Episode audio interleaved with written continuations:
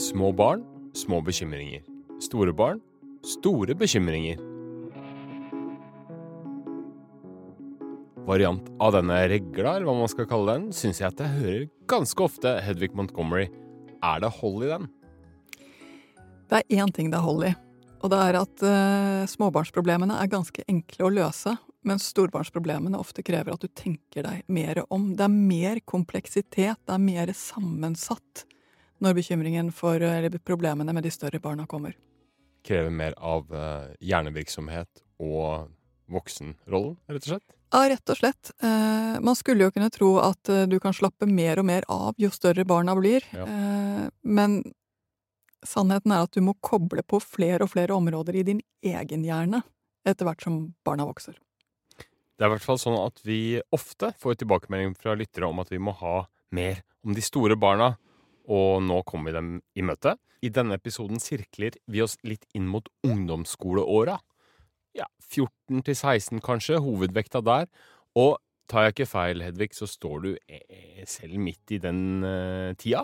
Jo, vet du hva, jeg har en nydelig 13-åring og en fantastisk 16-åring hjemme. Så det er helt riktig. Jeg er i, uh, med en som er på full fart inn, og en som er på full fart ut av uh, den kanskje mest foreldrekrevende perioden i løpet av alle disse 20 årene. Og så må jeg bare få legge til først som sist, fordi det er mye å si, og vi kommer til å snakke om mye om det som er vanskelig med å ha ungdomsskoleelever. Og det skal vi bruke tid på. Men jeg må også si at jeg elsker denne perioden selv. Fordi ja, det sliter litt. Ja, det er uh, en del kamper som uh, bare kjennes så himla unødvendige ut. Ja, det kjennes så utrolig personlig ut at noen setter fingeren på alt som er galt med deg, for det får du vite i denne perioden her. Men det er også så utrolig fint å se et menneske vokse frem, se de der egne fargene komme frem, se de kantene som du kanskje ikke hadde tenkt engang skulle komme hos akkurat det barnet. Det er noe i denne perioden som jeg liker veldig godt også. Da er grunntonen satt.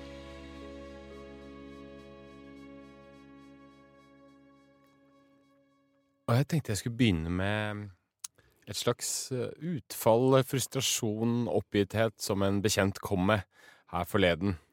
For uh, det var en rekke punkter som nå var uh, hadde hopa seg opp. Og jeg spurte om hva er det som er, egentlig er problemet, eller hva er, hva er det du som frustrerer deg?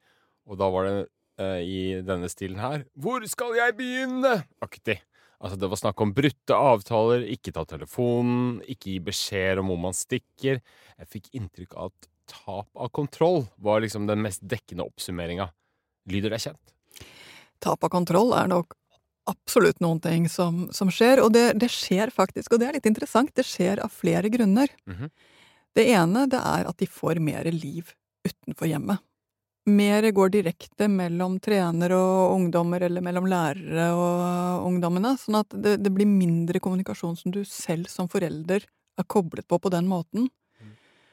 Og de andre foreldrene er ikke like mye med å ta en kaffe etter levering på skolen, hvis du skjønner. Altså, de punktene finnes jo ikke lenger. Mm. Så rent strukturelt så er det noe som gjør at, at du er mindre hands on. Det andre som skjer, det er at Ungdommene skal i denne perioden her søke etter hvem er jeg, og hva syns jeg om å være sånn, innover i seg selv.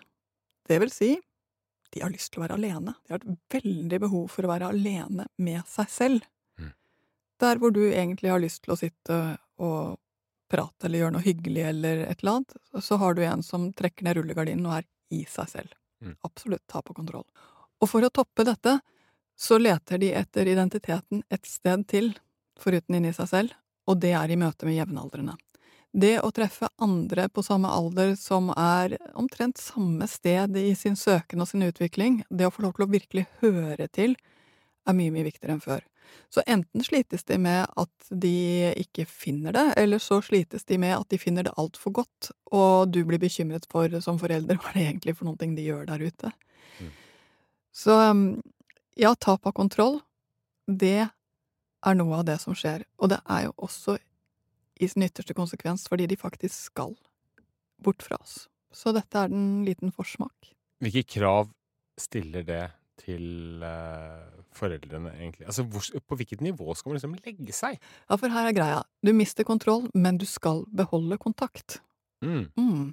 Så her står vi nesten i en sånn dobbel uh, Altså, du, allerede her hører du hvor mye du må strekke deg som forelder. For det er massevis av ting du ikke kommer til å vite. Og i tillegg så kommer de til å synes at du ikke har noe med det. Når var det egentlig du hadde den tyskprøven? Nei, det er ikke før om mange uker. Det viser seg at den er i over i morgen. Ok? Du blir lurt. Den type ting skjer på et helt nytt nivå fordi de syns at de anstrenger seg nok. De vil ikke ha mas. Mm. Da er det jo lett å tenke ja, men da kan du bare klare deg selv, når du ikke bruker meg i det hele tatt. Mm. Men de klarer seg kjempedårlig selv. De har så behov for eh, en, eh, hva skal vi kalle det, et morskip, eh, det vil si noen ting å, koble seg på der ute i outer space når, når allting er vanskelig for dem. De har så behov for noen som liker dem og smiler til dem. De har så behov for den lille veiledningen når de kommer og sier ah, det viste seg at det er allerede i morgen. Og du sier ok, skal vi se på det litt grann sammen i hvert fall, så kjennes det litt bedre ut i morgen, kan vi heller begynne tidligere en annen gang. Det er å holde kontakt. Det er å være der med dem. Ja, krevende greier det der, altså. Skulle være forståelsesfull og sånn hele tiden når du får sånn kalde skuldre og ljuging og, og sånn i in your face. Absolutt. Jeg tar, tenker av og til at det er en litt nyttig øvelse å tenke igjennom Prøv å huske tilbake igjen da du selv gikk på ungdomsskolen. Mm. Hva var det fineste? Hva var det vanskeligste? Hva klarer du fortsatt ikke å tenke på uten å skjule ansiktet i hendene? Eh, bare hente lite grann opp igjen av deg selv fra den perioden der. Fordi da er det også lettere å tenke både at ja, men sånn er jeg ikke lenger, eh, og ha litt forståelse for det. Det kan jo ofte være sånn at man eh, husker selv hvor ukule egne foreldre var.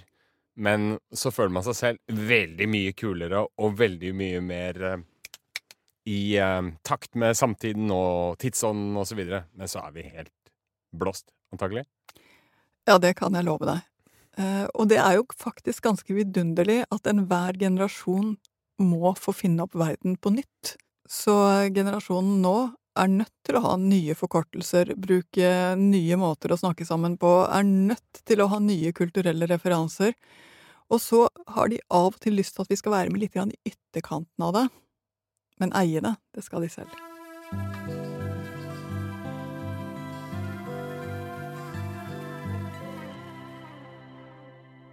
Med det du sa her nå som, som bakteppe, så har vi fått inn et interessant uh, spørsmål da, fra en lytter. Eh, og vi kommer til å ta noen sånne lyttespørsmål underveis her. Hvordan får man muslingbarn til å åpne seg opp til foreldrene? Går det i det hele tatt an? Absolutt. Ja. Eh, og her, altså, de, unger er jo så forskjellige. Mm. Noen deler så gjerne og så mye, og av og til litt for mye. Ja. Mens andre barn ah, ser ikke helt poenget med å snakke. Og vi ser ofte at dette forsterker seg. Altså alle blir mer tause i tenårene, og det betyr også at de som var ganske ordentlig tause fra før, blir enda mer lukket. Mm. Så det ene er at det er et personlighetstrekk her som er veldig, veldig tydelig, som kommer tydelig frem. Det andre det er at jo vanskeligere ting er, jo mer taus blir denne aldersgruppen. Men det kan også være at når denne lukkingen skjer, så er det en grunn til det der ute som du egentlig hadde hatt lyst til å vite om, men du får jo ikke vite om den fordi at her når du ikke gjennom. Eh, I de aller fleste tilfeller så er det rent bare personlighet, og sånn er det. Mm. Eh, men vi har også de ungdommene som endrer seg veldig, og her legger jeg vekt på veldig. Hvis du har, får en veldig brå endring, så blir jeg mer interessert i hva er det egentlig for noe som har skjedd nå. Vi sa om de stille barna og ungdommene i gamle dager at eh, stillest vann har dypest grunn, altså at det skjer jo noen ting under den stille overflaten, og det tror jeg faktisk er ganske viktig å huske på, for det er lett å tenke at nå er rullegardinen dratt ned og det skjer ingenting der inne, men det gjør det nok. Så min første sånn, ting jeg gjør med de stille ungdommene, det er rett og slett at de trenger fortsatt spørsmål. Hei, hvordan er det? Og da faller svarene er ett av tre. Det er bra, dårlig eller ok. Ja. Og alle de tre svarene er faktisk gode. Har du en stille ungdom så er det første du må øve deg på, det er å akseptere svaret du får. Å ja, dårlig. Ass. Leit å høre. Og da kan man kanskje gå videre til å stille spørsmål av typen vil du ha en kakao? Det er altså der vi er. Du må nøye deg med lite. Ja, du må akseptere det du får. Mm. Fordi noe av det verste for de ungdommene som er stille, det er å føle at de blir utsatt for et forhør. Og da, når de føler at de blir utsatt for et forhør, da gir de ikke engang den bitte lille informasjonen bra, dårlig eller ok. Så det første er rett og slett å vise dem at du er til å stole på. Du er til å stole på, du tar imot det de kommer med, og du hører på det på ordentlig og nikker til det og sier ok, skjønner. Og så kan du si er det noe jeg kan gjøre, for eksempel, og de sier nei. Det er også en fullverdig samtale. Ok. Ja. så jeg tenker at det å holde den der bitte lille kontakten og bare se at den har en veldig høy verdi, ikke gi opp den, det er det første du gjør. Det andre som skremmer bort ungdom som syns det er vanskelig å snakke, er selvfølgelig at du blir rasende for at du aldri får vite noe. Du forteller meg jo aldri noe. Nei. Spørsmål av typen hvordan var det på skolen? er et helt umulig spørsmål å svare på. For hvis du kommer hjem fra jobben, og noen spør deg hvordan var det på jobben, så merker du selv det er et veldig vanskelig spørsmål. Mm. Det er på en måte for upresist og for eh, Ja, hva hva, hva skal du koble deg på? Hva er det for noen ting? Eh, sånn at her er det også å koble seg på det du faktisk ser. At du rett og slett bruker den informasjonen du har. Se fra ukeplanen at eh, det skal være eh, idrettsdag om to uker. Har du meldt deg på noen ting? Nei. Ok, hva kunne du tenke deg å gjøre? Eller at du tar, tar ting du ser. Rett og slett er, er mer konkret og nedpå enn de der store spørsmålene som er umulige. Det er også viktig å huske på med ungdomsskoletiden. Det er fortsatt utviklingssamtaler hvor barna og foreldrene kommer sammen og snakker med lærer. Du får informasjon. Du får fortsatt ukeplanene. Du får fortsatt beskjed hvis barnet ditt er mye borte. Du får fortsatt beskjed hvis det er noe som bekymrer læreren. Du har heldigvis dette trygghetsnettet som skolen er, og også muligheten til å spørre skolen når du selv ikke vet hva som skjer. Ja. En uh, forelder skrev forleden på den Facebook-gruppa vi har, som heter Foreldrekoden Simpelthen. Dette er fra en forelder som har, jeg tror, tre tenåringer. Hun skriver TikTok og ulike influensere har den siste tiden gitt dem en forvrengt virkelighetsoppfatning og jobber virkelig mot oss. Det har gått så langt at jeg kjenner på stress og angst når jeg eh, er med barna mine. Deres nærvær har for meg blitt synonymt med krav og mas, og hun beskriver en, en materialistisk tankegang, og at alt handler om VIPS-krav og pengebruk for å komme opp på et eller annet nivå, da, tydeligvis. Hvordan komme ut av den vonde spiralen, spør hun da, og hva tenker du om det? Altså det, er, det er jo mange ting i dette spørsmålet. Det ene er at dette varierer jo veldig mye fra ungdomsmiljø til ungdomsmiljø, og det tror jeg vi skal være klar over. Ja. Det er enorme forskjeller i Norge etter hvor du bor, eh, på hva som gir status, hva som oppfattes som bra, hva disse ungdommene strekker seg mot. Men det som er helt sant, det er at i denne alderen her så blir de så forledet av det rundt de rundt dem gjør. Mm. Så hvis det er det å ha en dyr væske som er greia, så blir de helt besatt av den dyre væska. Hvis det er det å gjøre det veldig bra eh, i naturfag, så blir de besatt av det, og kanskje opp på en usunn måte, faktisk. Eh, hvis det er det å være god i sport, så kan akkurat det samme skje. Altså muligheten til å bli altfor ledet er veldig, veldig stor, og de er lette å lede. Det andre er at mye av det de ser på TikTok, for å ta det, for å ta de sosiale mediene, det skjønner de er ikke helt sant. Eh, De har både en større ironisk distanse, de fleste barna, og en større forståelse av at dette er fremstillinger, enn det vi som foreldre har, som får sjokk når vi ser det ene klippet. Jeg gjør, jeg, har, har de det? Det har. Kritisk sans, altså? Eller kanskje forståelse for hva dette mediet er. Ja. Eh, De ser forskjellen, tross alt, på at dette er underholdning. Eh, Det er litt grann som når du sitter og ser en voldsfilm, og det kommer en voldsscene, så vet du at du hører litt til, og at det ikke betyr at du kan gå ut og gjøre det samme. Mm. Eh, Sånn at de har nok en, en større forståelse, er mitt helt entydige inntrykk. Men vi som foreldre kan jo få helt sjokk når vi ser det ene og klippet, og spesielt hvis vi tar det helt bokstavelig. Mm. Så som forelder, tenk det når du ser disse TikTok-videoene litt uforvarende. Litt mindre bokstavelig er du nok nødt til å ta det for å skjønne det, hvordan det fungerer inn i ungdomsgruppen. Det tredje er hvordan motvirker du de verdiene som du kjenner at du ikke er for. Mm. Vel, det er et godt ungdomsopprør i dette. De ikke-materialistiske foreldrene får barn som drømmer om å bli aksjemeglere i en periode. Mm. Eh, og aksjemeglerforeldrene får naturvernbarna, i hvert fall for en periode. Ja. Altså det, det, er, det, er, litt en måte å vise at jeg har bedre verdier enn deg på. Ja. Eller jeg har andre verdier enn deg. Og det å prøve seg litt frem med disse verdiene er noe av det de kommer til å gjøre. Uh, og du kan ha tenkt at uh, med så god oppdragelse du har fått på å ikke kaste mat, for eksempel, og så er alt du gjør der å gå og drømmer om der å gå og kjøpe en Big Mac og, og kaste en halvspist en, mm. er jo helt forferdelig. Men ok, de prøver ut disse forskjellige posisjonene, de prøver ut verdiene sine, og de tester ut verdiene dine. De vil ha litt diskusjon, og det er helt ok å si, vet du hva, for det første, så mye penger har vi ikke, og for det andre, hvis vi hadde hatt det, jeg hadde ikke syntes det var ok at du brukte det på dette. Og så snakke om det. Det går helt fint. Verdiene hjemme betyr fortsatt noen ting, men det er ikke noen ting de kan være lydige mot. Der nå kommer de inn i en periode hvor de skal diskutere det for å finne sin posisjon. Og det kommer til å gå i flere runder før de lander ned på et sted som føles mer balansert. Ja, fordi det som er fort gjort å tenke, er vel nettopp dette her Hva skal det bli av dette barnet-aktig? Men, men, det glir seg til etter hvert. Det er bare en litt sånn støkig periode som, eh, som er nødt til å komme, eller? Jeg tror i hvert fall det er lurt å tenke inni seg at uh, her er det mulighet for endring. Mm. For hvis du låser dem helt fast og sier ah, du er jo bare så materialistisk, så blir det vanskeligere å komme tilbake igjen og ha funnet eh, andre verdier, for eksempel.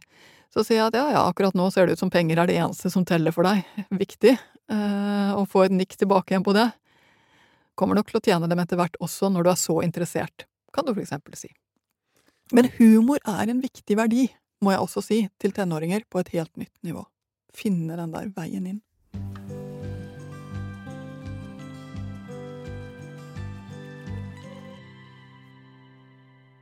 En annen eh, lytter brakte en historie om eh, trøblete forhold til eh, drikking og fest. Og det vil også variere sikkert fra en del ulike ungdomsmiljøer. Noen er eh, drøyere enn andre, kanskje. Eh, men i hennes eh, tilfelle her så var det et miljø hvor det var foreldre som aksepterte fest og alkohol for 15-åringer fordi de ville at barna skulle bli populære og komme på russebuss. Sånn etter hvert. Hvordan skal man takle dette? Altså, det er én ting som blir mer og mer tydelig jo lengre man har barn. Det er at det finnes all slags foreldre. Ja.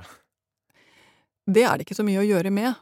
Uh, og du kunne ønske deg at vi hadde felles regler og, og, felles ordninger, og prøve å få det til. Jeg tror det er lurt, for du lykkes i hvert fall litt. Mm. Du får i hvert fall løftet en problemstilling og kanskje snakket om noe viktig. Men jeg tror aldri at du vil få alle de andre foreldrene i klassen til å mene akkurat det samme som du mener, selv når det du mener både er riktig og rimelig. For 15-åringer blir ikke populære av å drikke alkohol. Det lager situasjoner som de ikke er modne nok til å håndtere. Det er grunnen til at 15-åringer ikke skal drikke. Det lager situasjoner de ikke er modne nok til å håndtere, og de har kropper som er så i utvikling, så i stress, at de også altfor lett blir altfor fulle, selv av ganske små mengder.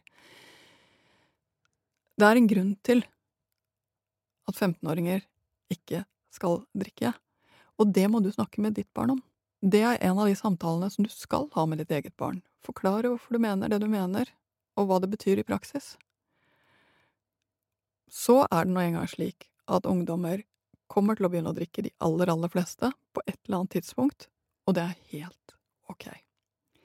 Om det er veldig sent eller veldig tidlig, kommer igjen an på miljøet rundt, hva som er mulig, hva som er tilgangen.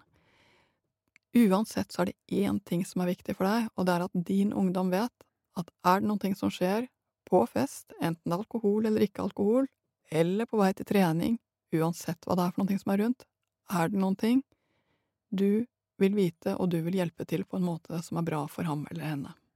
Mm -hmm. Kontakten er den eneste valutaen vi har til å hjelpe våre egne ungdommer ut av vanskelige situasjoner, og den får vi bare hvis vi viser frem at vi, at vi klarer å håndtere vanskelige situasjoner, det vil si ikke miste hodet i raseri og frustrasjon eller frykt. Så det er to trinn her som egentlig ikke er en, en, direkte hjelp til denne moren nødvendigvis, men en mer sånn rettesnor, og det er at du for det første må ta den forklaringsrunden. Dette gjør alkohol med deg, derfor er det skadelig, derfor er det egentlig ikke lov for deg ennå. Og så må du også forsikre om at hvis du skulle komme ut for trøbbel, så er jeg der alltid. Er det sånn? Ja. Og hvis du skulle nå allikevel, på tross av at du vet at dette er smaken, det kan jo godt være, det tåler jeg, eh, du, så lenge jeg bare vet én ting, at du sier ifra hvis det er noe. Du får ikke lov, fordi jeg tror virkelig ikke det er bra for deg, men vit at det er ikke det jeg kommer til å ta opp hvis noen ting skjer. Og så kan jo du komme med plausible, opplyste forklaringer, men så kan det hende at ungdommen ikke tror på deg, for de har hørt andre sannheter annet sted, som for eksempel hvor farlig det er med eh, ulike typer narkotika. Kokain har jo vært i nyhetsbildet mye denne våren. Og jeg vet det er en stor rusbekymring uh, for tiden, og det har det kanskje alltid vært, men føles det litt tiltagende? Altså, det, det skjer jo endringer i rusbruken. Uh, vi vet at det er en stor økning i bruk av rusmidler i Oslo. Uh, vi vet at det ikke er helt likt alle steder. Endringene handler jo dels om at noen ting oppfattes som mindre farlig, selv om det ikke er det. Fordi rus, all rus har risiko. Hvor mye risiko det har, er avhengig av typen rusmidler og av personen som tar det, altså hvilke risikofaktorer du har, og om mengde. Altså alle disse tre. Personligheten, eller hva slags eh, ungdom, hva slags rusmiddel, og hvor mye, er det som avgjør det. Så er det en del ting som har kommet nå som jeg tror kommer som blaff Eh, bruk av lystgass, for eksempel, har eh, vært mye av i en periode som vi ikke engang hadde forestilt oss kom mm. til å være for bare et par år siden. Jeg tror vel det er litt som lim. Eh, det er så tilgjengelig og virker så lett å bruke. Har absolutt risikofaktorer som ungdommen ikke vet om, og som de trenger, som vi ikke har vært helt klar over at vi må forklare. Ecstasy, kokain kanskje særlig kokain, som gjør en til et ganske dårlig menneske når man bruker det, og som også gjør at man kan bruke mye mer alkohol, altså drikke mye mer, har dårlige effekter. Men det som er med ungdomsskolemiljøet, det er at der er det lite. Altså det er alkoholbruk hos en del ungdommer, men ikke hos flertallet. Og hvis det er noe annet enn det, så er det eh, marihuana eller eh, akkurat nå lystgassbruken. Men det er ikke så mye av det.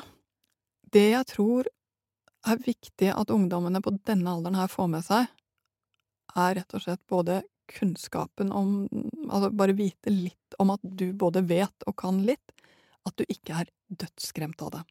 Enhver ting som de voksne går rundt og er livredde for, gjør at man ikke kan snakke om det.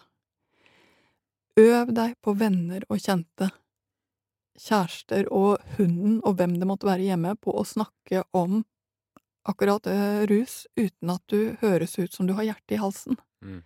Fordi det hjertet i halsen, det sperrer kommunikasjonen med barnet. Da er det vanskelig for ham eller henne å snakke med deg om det som skjer. Men det krever jo at man faktisk eh, eh vet noe selv, da. Det gjør det. Og vær klar over at mye av det som ligger på nettet, både fra offisielle kilder og fra mindre offisielle kilder, er veldig orientert rundt å skremme. Du trenger egentlig ikke å bli skremt, skremt er de fleste av oss mer enn nok. Vi trenger å kunne. Så søk kunnskapen mer enn frykten. Vi kan ikke snakke om ungdomstid uten å snakke litt om eh, kropp og kroppspress eh, og grenser, den slags.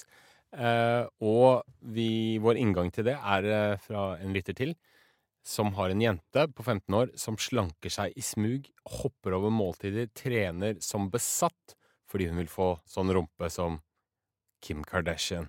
Altså, hvordan går man inn i det? Kropp er utrolig personlig.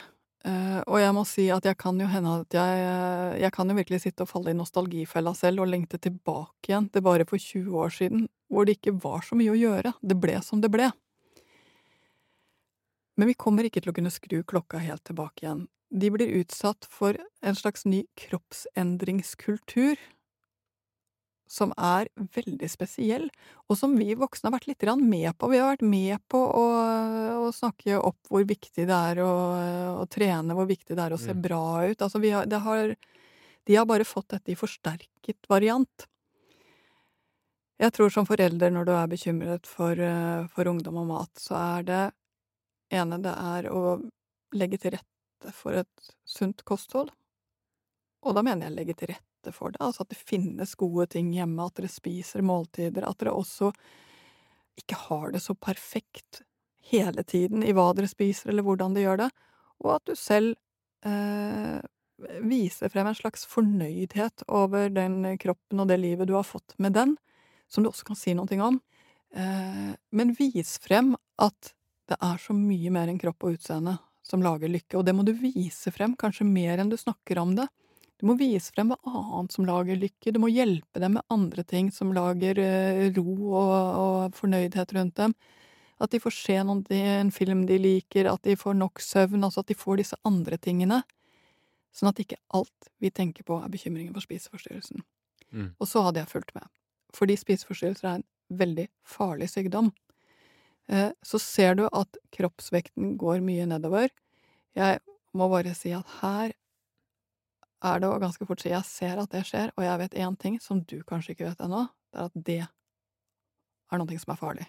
Mm. At du må kunne snakke om det når du ser at dette her eh, er ting, og spørre hvem, hvem har du lyst til å snakke med, med, det om? Hvor tror du Vil du snakke med helsesykepleier? Vil du snakke med tante Else? Eh, skal vi høre om, om en psykolog i nærheten? Men rett og slett, dette kan vi snakke om. Og det går bra. Ja, men hvis du legger til grunn det som uh, du snakka om her i stad, at uh, du er uh, vil ikke De svarer ikke Du når ikke inn? Hva da? Igjen, de små samtalene. Kortere ting av gangen. Mindre. Du får til mindre hver gang, men du har god tid. Og det jeg skjønner, altså det, det kjenner jeg litt dumt når du sier det nå, det er bra du sier det. For på meg høres det ut som det er én stor samtale du skal ha. Mm. Men med ungdommer og også med barn, så tenker jeg at det er bedre med 15 små enn én stor. Gitt det du sa om at det viktigere egentlig er uh, Altså, det er litt sånn show don't tell, på et vis. At det er viktigere at du er et forbilde og, og, og lever et liv eh, slik du har lyst. At eh, barna skal arve det, holdt jeg på å si, mm. eller adoptere det. Men da kan man jo ikke holde på selv, da, og trene frenetisk, se seg i speilet, prøve å spise mest mulig sunt, kanskje til og med gå inn på en eller annen diett en periode. Så det kan man ikke gjøre, det, da. Akkurat i denne perioden her? Nei. Du kan ikke det. Nei. Så selv om du tenker at å, nå er det veldig inn i tiden med, med faste, for eksempel, mm. så er det ikke det du kan holde på med når du har ungdom hjemmeboende. Relatert til dette her, så har du sagt noe tidligere som jeg syns er litt sånn øh, vanskelig å komme rundt. Det er det der at du har sagt at man skal unngå for enhver pris å kommentere barnas kropp. Hvis jeg har forstått det riktig. Men ryggmargsrefleksen, når man ser at barna holder på å, å jobbe for et eller annet og må bli, for, bli tynnere eller slankere eller liksom et eller annet sånt, er jo Nei, du er fin som du er. Eller du, du, du ser, ser, så fin du er. Altså, men skal man ikke gjøre det? Det jeg har ment å si, er at det er veldig vesentlig å ikke bli for opphengt i det speilbildet som de selv står og speiler seg i. Du skal være noe annet enn et speilbilde. Så det du kan si, er typ Jeg ser at du uh, spiser ganske lite for tiden. Uh, tenker kanskje at det er bra for deg akkurat nå. Ja. Prøver kanskje å gå ned. Ja. Jeg er ikke så sikker på at det er akkurat det du trenger nå, for kroppen din er inne i en fase hvor den egentlig skal formes, og hvor den skal eh, Altså hvor det å få, ha for lite kan være ganske stressende, og det er stressende nok å stå i den fasen du er i, sånn som det er. Altså rett og slett finn en annen måte å snakke om det på. Som ikke handler om du ser fin ut sånn som du ser ut, fordi at de syns at våre kropper, uansett hvor bra vi syns de har holdt seg selv, så syns de at vi ser ubehjelpelig gamle ut. Mm. Uansett hvor tidlig vi fikk barn, fikk dem, så syns de at vi ser ubehjelpelig gamle ut. De er ikke interessert i vårt blikk, de er interessert i det der speilblikket. Og da må vi klare å koble det opp mot noe annet enn du ser fin ut. Som for eksempel? Jeg tror ikke det er riktig tid å gjøre det, fordi nå er det så mye annet som skjer både på skolen og i kroppen din. Jeg tror rett og slett det blir for slitsomt. Med denne tematikken spesielt nyttig, tre ting som du tenker er det viktigste foreldre til barn som er i denne alderen, 14, 15, 16, hva bør de huske på? At små drypp er mye viktigere enn eh, store samtaler. At det å holde kontakten trumfer allting annet. Og at hvis du er skikkelig opprørt selv, gå og drikk en kopp kaffe eller te og tenk på noe annet, og vent til du er helt rolig selv. Det er nok opprørte følelser i et tenåringshjem sånn som det er. Det er ikke du som skal bidra til det. Og hvis du skal trekke fram én karakteristisk felle Altså, det er jo egentlig to. Det ene er å tenke at nå får du klare deg selv når du først oppfører deg sånn som du gjør. De klarer seg ikke selv. Og den andre, kanskje ikke en tabbe i den forstand, men vær klar over at hvis du tar din bekymring ut med ungdommen og hele tiden forteller hvor bekymret du er, og hva som bekymrer deg, og hvor fælt allting er, da blir du ikke noen god samtalepartner. Da blir denne kontakten vanskelig. Vi er tilbake om en uke. Hvis du vil uh, kommunisere med oss, så kan du gjøre det via Instagram, foreldrekoden. Du kan sende mail, foreldrekoden at aftenposten.no. Ønsker deg en god dag, god uke med deg og dine. Ha det bra.